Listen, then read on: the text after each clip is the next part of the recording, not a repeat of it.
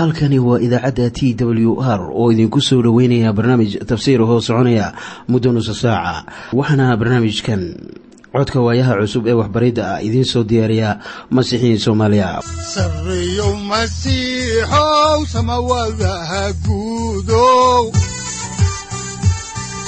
Siraadkii adduunkow subanaha eebow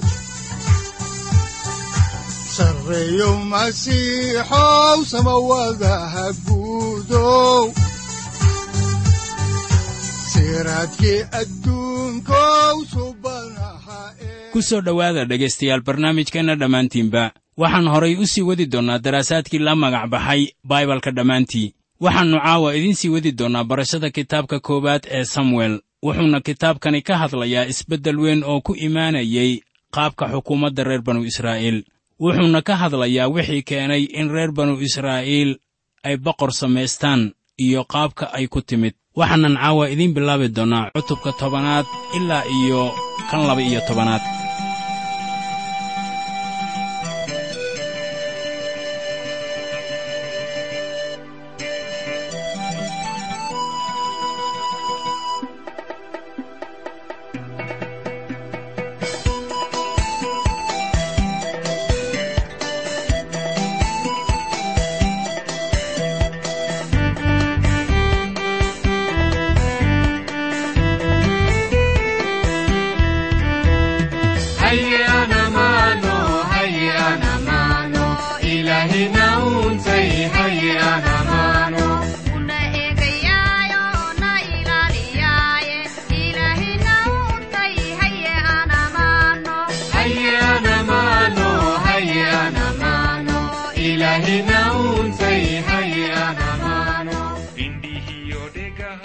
markii noogu dambaysay waxay inoo joogtay samuel oo hadalkii ilaah ku saabsanaa boqorka maqashiinaya dhegihii saa'uul. Waxaannu aragnay in samuel uu si wanaagsan u marti qaaday saa'uul maalintaasi. Kadib markii uu soo hordhigay neefka garabkiisii oo dhan taasina waxay muujinaysaa in saa'uul uu yahay boqorka reer banu israa'iil haddaan horay idinku sii wadno xigashada kitaabka oo aannu eegno kitaabkii koowaad ee samuel cutubka tobanaad aayadda koowaad ayaa waxaa qoran sida tan.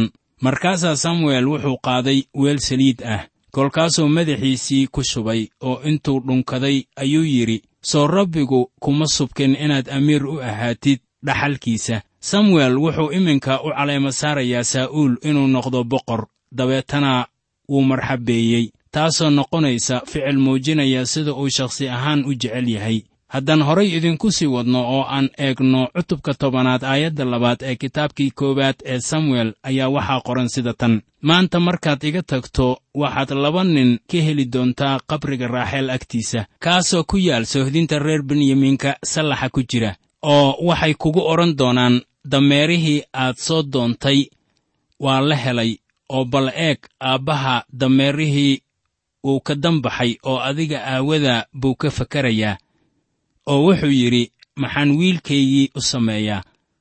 Haddaba qiish wuxuu ka welwelayey wiilkiisii saa'uul oo wuxuu ka baqayaa inuu isagii ku ambado baadigoobka dameeraha. Samuel ayaa isaga u caleema saaraya inuu ahaado boqorka reer banu israa'iil oo waxaana la keenay meel ku dhow qabrigii raaxeel oo ku yiilay dhulka reer benyamiin oo ku dhowaa beytlaxam haddaan horay idinku sii wadno xigashada oo aan eegno cutubka tobanaad aayadda shanaad ee kitaabkii koowaad ee samuel waxaa qoran sida tan. Oo taas dabadeedna waxaad imaan doontaa buurta ilaah meeshaasoo ay joogaan ciidanka falastiin oo waxay noqon doontaa markaad magaalada timaadid inaad la kulmi doonto guuto nebiye ah oo ka soo degaysa meesha sare iyagoo horta ku sita shareerad iyo daf iyo biibiile iyo kataarad oo iyana wax bay sii sheegi doonaan. Haddaba taasi waa waxa saa'uul uu la kulmi doono marka uu ku sii socdo gurigiisa iyo deegaankiisii. Haddaan horay idinku sii wadno xigashada kitaabka samuel cutubka tobanaad aayadda lixaad ayaa waxaa qoran sida tan. Markaasaa ruuxa ilaah si xoog leh oo kugu degi doonaa oo markaasaad iyaga wax la sii sheegi doontaa oo waxaad u beddelmi doontaa nin kale. Waxaa haddaba halkan yaalla su'aal waxaana weeye miyaa saa'uul la beddelay. Miyaase aayaddani ay tahay caddayn sheegaysa isbeddelkiisa. Bilxaqiiqa taasi looma hayo caddayn dhan. Ma rumaysni in ninkaasi la beddelay haddii ay idinla noqoto. Sida inaan saa'uul ka soo hor jeedo ayaan idiin sheegayaa dhegaystayaal. Inaanay sidaasi ahayn balse sababta ayaan idiin sheegayaa.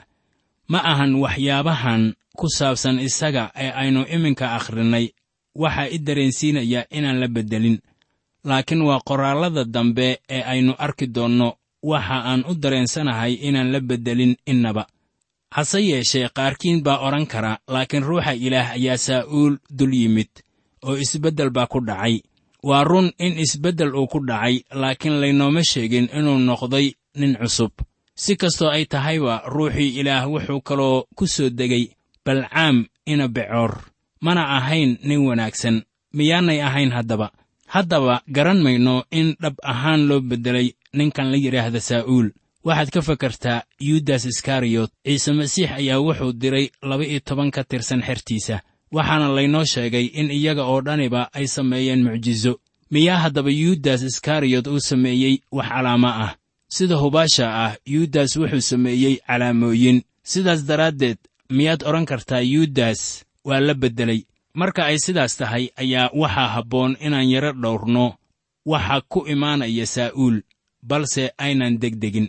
Haddaan horay idinku sii wadno xigashada kitaabka oo aan eegno kitaabkii koowaad ee samuel cutubka tobanaad aayadda sagaalaad ayaa waxaa qoran sida tan.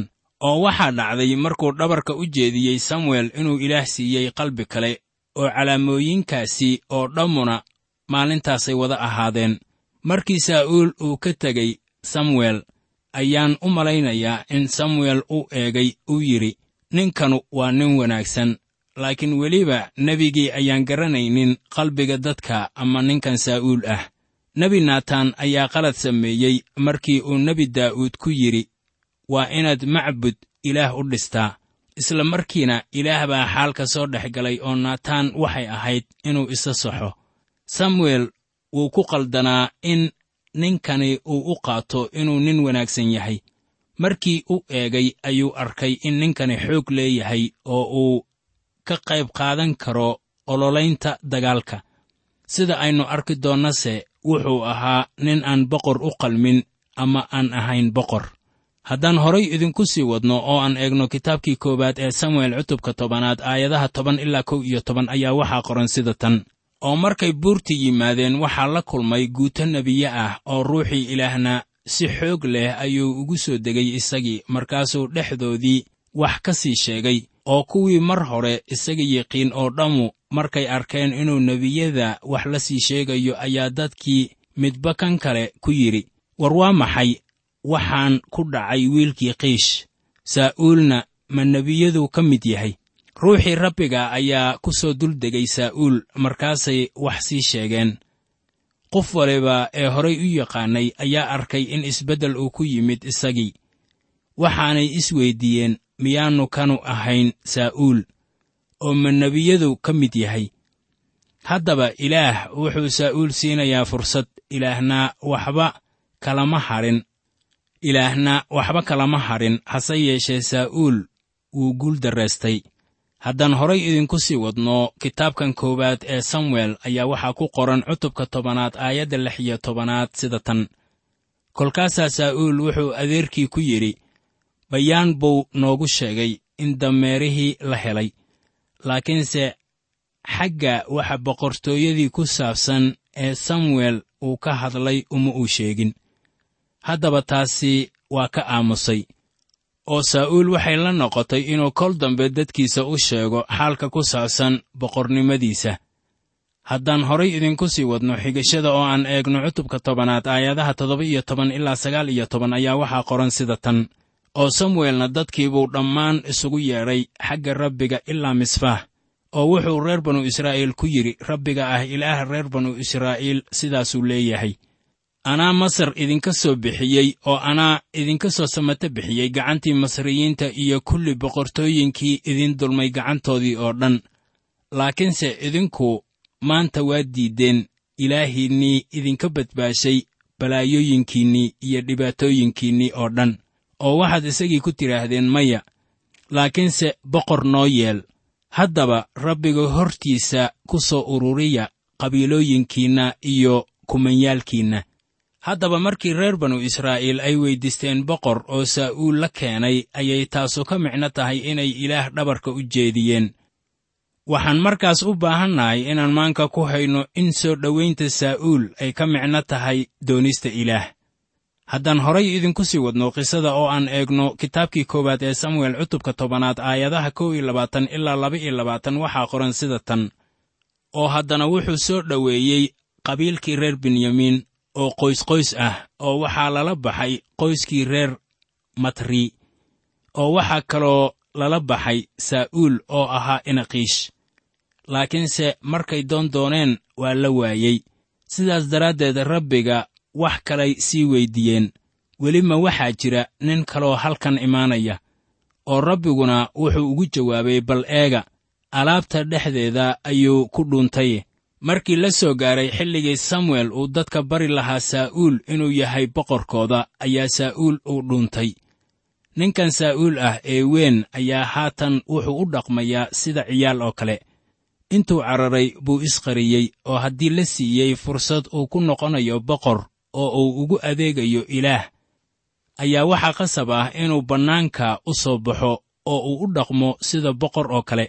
Haddaan horay u sii wadno kitaabka ayaa waxaa qoran aayadda afar iyo labaatanaad sida tan. Markaasaa samuel wuxuu dadkii oo dhan ku yidhi ma aragtaan kan rabbigu doortay inaan mid la mid ahu dadka ku jirin. Kolkaasaa dadkii oo dhammu dhawaaqeen oo waxay yidhaahdeen boqorku ha noolaado haddaba rabbigu wuxuu badbaadiyey dadkii xitaa. Markaana waa kolkii koowaad markanna waa kolkii koowaad ee qaylada boqorku ay yeedho sidaad og tihiinba dalka ingiriiska ayaa weli bulxankaasu uu ka jiraa marka boqorka cusub la dooranayo ama la dhaarinayo cutubkan tobanaad oo aynu soo koobnay ayaannu iminka eegaynaa aayadda shan iyo labaatanaad waxaana qoran sida tan. Kolkaasaa samuel wuxuu dadkii u sheegay sida boqortooyada xaalkeedu uu noqon doono oo buug buuna ku qoray oo rabbiga hortiisa dhigay samuelna markaasuu dadkii oo dhan iska diray oo nin waluba gurigiisii buu tegey. Dabeetana samuel wuxuu dadkii u sheegay qaabka boqortooyada wuxuuna ku qoray kitaab. Sababtaas aawadeed ayaannu u rumaysannahay in samuel uu qoray qaybaha koowaad ee qisadan ku qoran kitaabka koowaad ee samuel. Haatan waxaannu idiin bilaabaynaa cutubyada kow iyo toban iyo laba iyo toban oo isku hal cashar ah. Welibana isku mawduuc ah waxaanay labadaasu ka hadlayaan sidii saa'uul uu kaga adkaaday reer camaleeq sidii xukunka uu samuel uga wareegay uu ugu yimid saa'uul waxaanan ku bilaabaynaa maaddada ah guushii saa'uul uu ka soo hooyiyey reer caamoon cutubyadii hore waxaan si qaraar uga hadlay boqor saa'uul inkastoo aanan haysanin waxyaabo caddaymo ah oo aan xumaantiisii u cuskanayay waxaase aan malaynayay inaannu ahayn nin ilaah u hanuunay. Waxaan dareemay inuu noqon lahaa boqor wanaagsan laakiin ma noqon karin. Inkastoo weliba taariikhdiisu ay ku bilaabatay hab wanaagsan. Haddaan markii ugu horraysay idiin bilowna xigashada cutubka kow iyo tobanaad ee kitaabka koowaad ee samuel baalka saddex boqol toddoba iyo konton ee axdigii hore waxaa qoran sida tan. Markaasaa waxaa soo kacay naxaash oo ahaa reer camoon oo wuxuu soo ag degay yaabeesh gilicaad oo dadkii yaabeesh oo dhammu waxay naaxaash ku yidhaahdeen axdi nala dhigo oo annana waannu ku adeegaynaa. Markaasaa naaxaash oo ahaa reer camoon wuxuu iyagii ku yidhi sabab keliya ayaan axdi idinkula samaysanayaa taasuna waa anigoo isha midigta idinka wada bixiya si aan u ceebeeyo reer banu israa'iil oo dhan markaasaa duqowdii reer yaabeesh waxay isagii ku yidhaahdeen bal toddoba maalmoodna sug. Aannu xuduudka reer banu israa'iil oo dhan wargeeyayaal u dirne oo dabadeedna haddii aannu weyno mid na badbaadiya waannu ku imaanaynaa. Haddaba waa xal fool xun oo qaab daran ka naaxaash uu soo hordhigay dadkii degganaa yaabeesh. Waxay u baahnaayeen in la samato bixiyo haddaan horay idinku sii wadno qisada oo aan eegno kitaabkii koowaad ee samuel cutubka kow iyo tobanaad aayadaha afar ilaa toddoba waxaa qoran sida tan. Markaasaa wargeeyayaashii waxay yimaadeen gilicaadii saa'uul oo erayadan ayay dadkii u sheegeen kolkaasaa dadkii oo dhammu codkoodii kor u qaadeen ay wada ooyeen oo bal eeg waxaa yimid saa'uul oo dibiyadii duurka ka keenay oo saa'uulna wuxuu yidhi maxaa ku dhacay dadka oo ay la ooyayaan? Markaasay u sheegeen hadalladii nimankii reer yaabeesh. Oo saa'uulna markuu maqlay hadalladaasi ayaa ruuxa ilaah si xoog leh uu ugu soo degay oo xanaaqiisina aad iyo aad buu u kululaaday. Markaasuu wuxuu qaatay laba dibi oo intuu qalay ayuu cadcad u kala jarjaray oo intuu wargeeyayaal gacantooda u dhiibay ayuu wada gaadhsiiyey xuduudka reer banu israa'iil oo dhan oo wuxuu yidhi ku alla kii aan saa'uul iyo samuel soo raacin sidaas oo kale dibiyadiisa loo geli doonaa. Markaasaa waxaa dadkii ku soo dhacay cabsidii rabbiga oo waxay u soo baxeen sidii nin qura. Haddaba waxaad ogaataa sida uu saa'uul isugu suntayo samuel ilama ahan in wakhtigan xaadirka ah saa'uul keligiis uu istaagi karo magac ahaan. Markii saa'uul dadka u weyddiiyey inay yimaadaan oo magaciisiina lagu xidhay kii samuel ayaa dadkii ay wada yimaadeen. Waxay kaloo u yimaadeen laba cabsi oo dadka culaysinaysay marka hore waxay ka baqayeen saa'uul. Waxay kaloo ka cabsanayeen reer caamoon waxa ay la damacsan yihiin haddaan horay idinku sii wadno xigashada kitaabka ee samuelka koowaad cutubka kow iyo tobanaad aayadda kow iyo tobanaad ayaa waxaa qoran sida tan. Oo maalintii dambe saa'uul wuxuu dadkii ka dhigay saddex guuto oo saddexdii hore ayay xeradiisoo dhex galeen oo waxay reer caamoon laynayeen tan iyo harkii oo waxay ahaatay in intii hartayna ay kala firirtay oo xataa laba iyagii ka mid ahu isma haysan sidaan arkayno saa'uul wuxuu raggiisii u kala qaybiyey saddex guuto. Reer banu israa'iilna waxay daba galeen reer caamoon oo ay laynayeen ilaa iyo nin nin haysta laga waayey iyagii oo dhan. Nin waliba oo maalintaasi baxsaday keligiibaa meel ku cararay. Haddaan horay idinku sii wadno xigashada kitaabka ayaannu soo gaarnay cutubka kow iyo tobanaad aayadda laba-iyo tobanaad. Waxaana qoran sida tan markaasaa dadkii waxay samuel ku yidhaahdeen waa ayo kii yidhi masaa'uul baa na xukumaya ninkaas soo bixi aannu dilne haddaba waxaa jira qolooyin diiddanaa in saa'uul uu boqor u ahaado. Samuelna wuu diiddanaa in nin ka mid ah dadka u mucaarado saa'uul wuxuuse doonayey in qaranka uu ku midoobo boqornimada saa'uul madaxtinimada saa'uul waxay soo baxday markii reer caamoon la laayey haddaan horay idinku sii wadno ayaa waxaa qoran samuelkii koowaad cutubka kow iyo tobanaad aayadaha saddex iyo toban ilaa shan iyo toban sida tan. Kolkaasaa saa'uul wuxuu yidhi ninnaba maanta la dili maayo waayo maanta rabbigu wuxuu samato bixiyey reer banu israa'iil.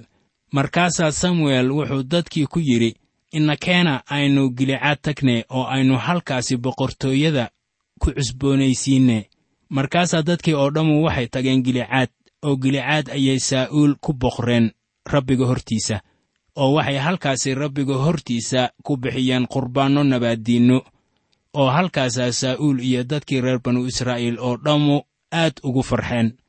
Haddaba reer banu israa'iil oo dhammu waxay saa'uul u aqbaleen sida boqor. Haddaba iminka wax waliba si wanaagsan bay ugu bilowdeen balse aynu horay idinku sii akhrinno waa wax aad u xun in qisooyinkiisii ayaan halkaasi ku ekaan. Waxaannu markaasi haatan si dawaale ah idinku bilaabaynaa cutubka laba iyo tobanaad. Iminkana waxaannu soo gaarnay maaddada ku saabsan xilwareejintii samuel xilka looga qaadayey ee lagu wareejinayey saa'uul. Cutubka laba iyo tobanaadina wuxuu ku bilaabanayaa dardaarankii samuel. Haddaan xaalkaasi wax ka ogaanno ayaannu eegaynaa kitaabkii koowaad ee samuel cutubka laba iyo tobanaad aayadda koowaad. Waxaana qoran sida tan samuel wuxuu reer banu israa'iil oo dhan ku yidhi bal eega anigu waan maqlay codkiinnii iyo wixii aad igu tidhaahdeen oo dhan oo waxaan idin yeelay boqor idin taliya haddaba hadalladaasu waa dardaarankii u dembeeyey ee samuel. Wuxuu ahaa nin caaqibo leh waxaana iminka jegadiisii qaadanaya saa'uul inkastoo reer banu israa'iil ay iminka doorteen boqor intii ay ilaah dooran lahaayeen. Haddana wuu barakadaynayaa dadkiisa. Haddii ay addeecaan taasina waa hubaal. Saa'uul wuxuu noqday boqorka. Ilaahna wuxuu siinayaa fursad waliba ee uu nin wanaagsan oo ilaah ka cabsada ku noqdo haddaan horay idinku sii wadno xigashada kitaabka oo aan eegno kitaabkii koowaad ee samuel cutubka laba iyo tobanaad aayadda labaad waxaa qoran sida tan. Oo haatan bal eega boqorkii wuu idin hor socdaaye oo anigu waan gaboobay waanan cirroobay oo bal eega wiilashaydiina way idinla joogaan oo aniguna waxaan idin hor socday tan iyo yaraantaydii haddaba taasu waa run oo waxaan ognahay in samuel lagu soo baxnaaniyey taambuugga noloshiisii. Waxay u soo dhammaanaysaa sidii sheeko la sheegay. Wuxuuna ahaa nin hoggaamiye u ahaa dadka oo aan qarsoonayn. Waxaana suuragal ah inaan la arkaynin nin la mid ahaa samuel oo u howl badnaa sidiisa oo kale. Dadkiina way jeclaayeen wuxuuna ugu dambaystii ogaysiiyey in labadiisii wiil ay la joogaan. Markaan dhanka kale ka eegno wuxuu lahaa war maxaad u aqbali weydeen? Samuel wuxuu isku dayey inuu siiyo iyaga jego laakiin ilaah ma aannu doonaynin iyaga oo waxay ahaayeen kuwa aan ilaah aqbalaynin inay jegadiisa oo kale ka qabtaan dadka reer banu israa'iil dhexdiisa. Haddaan horay idinku sii wadno cutubka laba iyo tobanaad ayaa waxaa qoran aayadda saddexaad sida tan. Bal waa ikan rabbiga hortiisa igu markhaati fura. Yaa dameerkiisii aan ka qaatay amase yaan dulmay amase yaan cadaadiyey. Kumanse gacantiisa laaluush ka qaatay si aan isu indho tiro daraaddeed. Hadday saas tahay waan idiin celin. Haddaba hadalladan oo kale way habboon tahay inuu yidhaahdo nin kasta ee la mid ah samuel ee ay la tahay inuu cidno dulmin. Waxa uu helay fursado badan ee uu ku taajiro laakiin lacag uma xelanin samuel wuxuu leeyahay nin waliba ee aan wax ka qaatay. Waan u soo celinayaa laakiin ninna sooma istaagin halkaasi oo kuma uusan eedaynin xadgudub. Haddaan horay idinku sii wadno xigashada oo aan eegno aayadda shanaad ee cutubka laba iyo tobanaad waxaa qoran sida tan. Markaasuu isna wuxuu ku yidhi iyaga maanta rabbigaa idinku marag ah iyo kan uu subkaday inaydnaan waxba gacantayda ku helin oo iyana waxay yidhaahdeen haa isaguna waa ka marag. Haddaba in maxfal laga hor muuqdo oo dadka oo dhan lagu yidhaahdo yaan wax ka xaday ama yaan wax ka qaatay ayaa u baahanaysa daacadnimo iyo kalsooni dheeraad ah. Kalsoonidan oo kale waxaa lahaa nebi muuse yeshuuca gidcoon iyo samuel oo iminka dadka hor taagan axdiga cusubna waxaa sidaas oo kale sameeyey stefanos oo intuu odayaashii soo hor istaagay u meeriyey taariikhdii. Haddaan horay idinku sii wadno kitaabka samuel ee koowaad cutubka laba iyo tobanaad aayadda saddex iyo tobanaad waxaa qoran sida tan. Haddaba bal eega boqorkii aad doorateen oo aad i weyddiisateen oo hadda bal eega rabbigu wuxuu idin yeelay boqor idin taliya samuel wuxuu u caddeeyey in saa'uul ay dadkanu doorteen. Haddaba ilaah wuxuu xurmeeyey codkii dadka laakiin waxa dadka u wanaagsan waxa weeye codka ilaah. Dadku waxay khilaafaan fikirkan. Dadku waxay doorteen saa'uul laakiin ilaah wuxuu doortay daa'uud. Haddaan horay idinku sii wadno xigashada kitaabka oo aan eegno cutubka laba iyo tobanaad aayadaha afar iyo toban ilaa shan iyo toban waxaa qoran sida tan waa hagaag. Haddii aad rabbiga ka cabsataan oo aad u adeegtaan oo aad codkiisa maqashaan oo aydnan ku caasiyoobin amarka rabbiga oo aad idinka iyo boqorka idin taliyaaba ahaataan kuwa raacaya rabbiga ilaahiinna ah. Laakiin haddii aydnan dhegaysan codka rabbiga ilowse aad ku caasiyowdaan amarka rabbiga dee markaas gacanta rabbiga gees bay idinka ahaanaysaa samuel wuxuu wax uga sheegayaa sida ay tahay oo haddii aanay xadgudbin barako ayay helayaan. Haddiise ayan rabbiga u adeegin. Xukun unbaa ku soo degaya. Waxaana rabbiga hadalladaasu uu ku suntaa dhawaaq iyo sawaxan weyn. Haddaan horay idinku sii wadno oo aan eegno kitaabkii koowaad ee samuel cutubka laba iyo tobanaad aayadaha lix iyo toban ilaa siddeed iyo toban waxaa qoran sida tan. Haddaba bal joogsada oo eega waxaan weyn ee uu rabbiga ku samayn doono hortiinna soo maanta ma aha maalintii sarreenka la goynayey. Anigu rabbigan baryayaa inuu soo diro onkod iyo roob oo idinna markaasaad ogaan doontaan ood arki doontaan inuu weyn yahay. Sharkiinna aad rabbiga hortiisa ku samayseen markaad boqor weyddiisateen saas aawadeed samuel rabbigu baryey oo rabbiguna maalintaasuu onkod iyo roob soo diray oo dadkii oo dhammuna aad iyo aad bay uga cabsadeen rabbiga iyo samuelba. Haddaba eliyaas ma ahayn kii intuu ilaah baryey roob iyo duufaan iswadata ay timid. Laakiin waxaa uga horreeyey samuel taasina waxaa lagu shaabadeeyey wakhtigii noloshii samuel gugaca iyo roobka ayaa ka dhignaa in la aqbalay hawshii samuel ilaah hortiisa uu ku sameeyey iyo inuu ahaa afhayeenkii ilaah.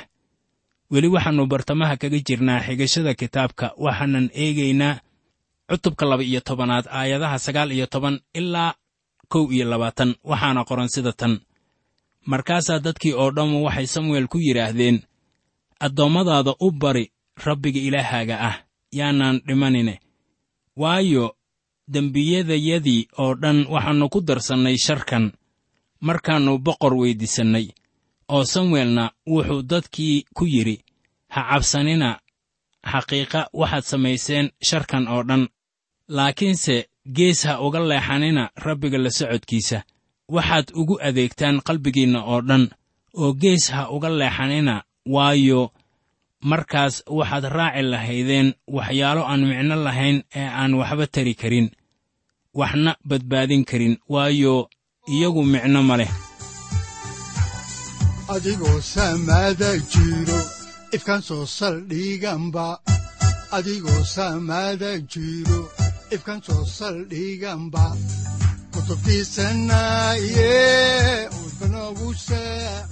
halkani waa t w r idaacadda t w r oo idinku leh ilaa ha idin barakeeyo oo ha idinku anfaco wixii aad caawi ka maqasheen barnaamijka.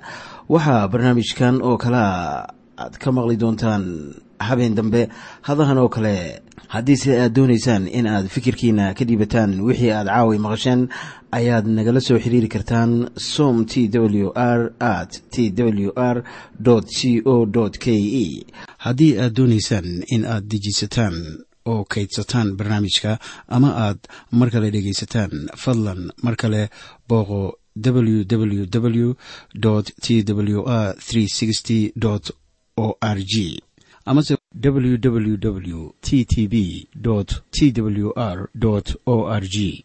Amase waxaad teleefoonkaaga ku kaydsataa ama ku download garaysataa agabyada ku sahli karaa dhegeysiga t w r haddii aad doonayso in laga kaalmeeyo dhinacyada fahamka kitaabka amase aad u baahan tahay duco fadlan fariimahaaga soo mari bogga aaraahda ama kommentska inana jawaab degdeg ah ayaanu ku soo diri doonaa amase ku siin doonaaye sareyow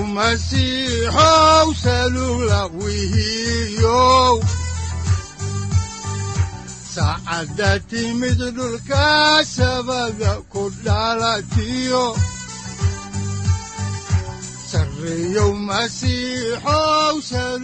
halkani waa t w r oo idiin rajaynaya habeen baraare iyo barwaaqaba leh inta aynu ka gaari doono wakhti aynu ku kulanno barnaamij la mida kan caawayay aad maqasheen waxa aan idinku leeyahay nabadda ciise masiix ha idinku badato xagga jidhka iyo ruuxaba aamiin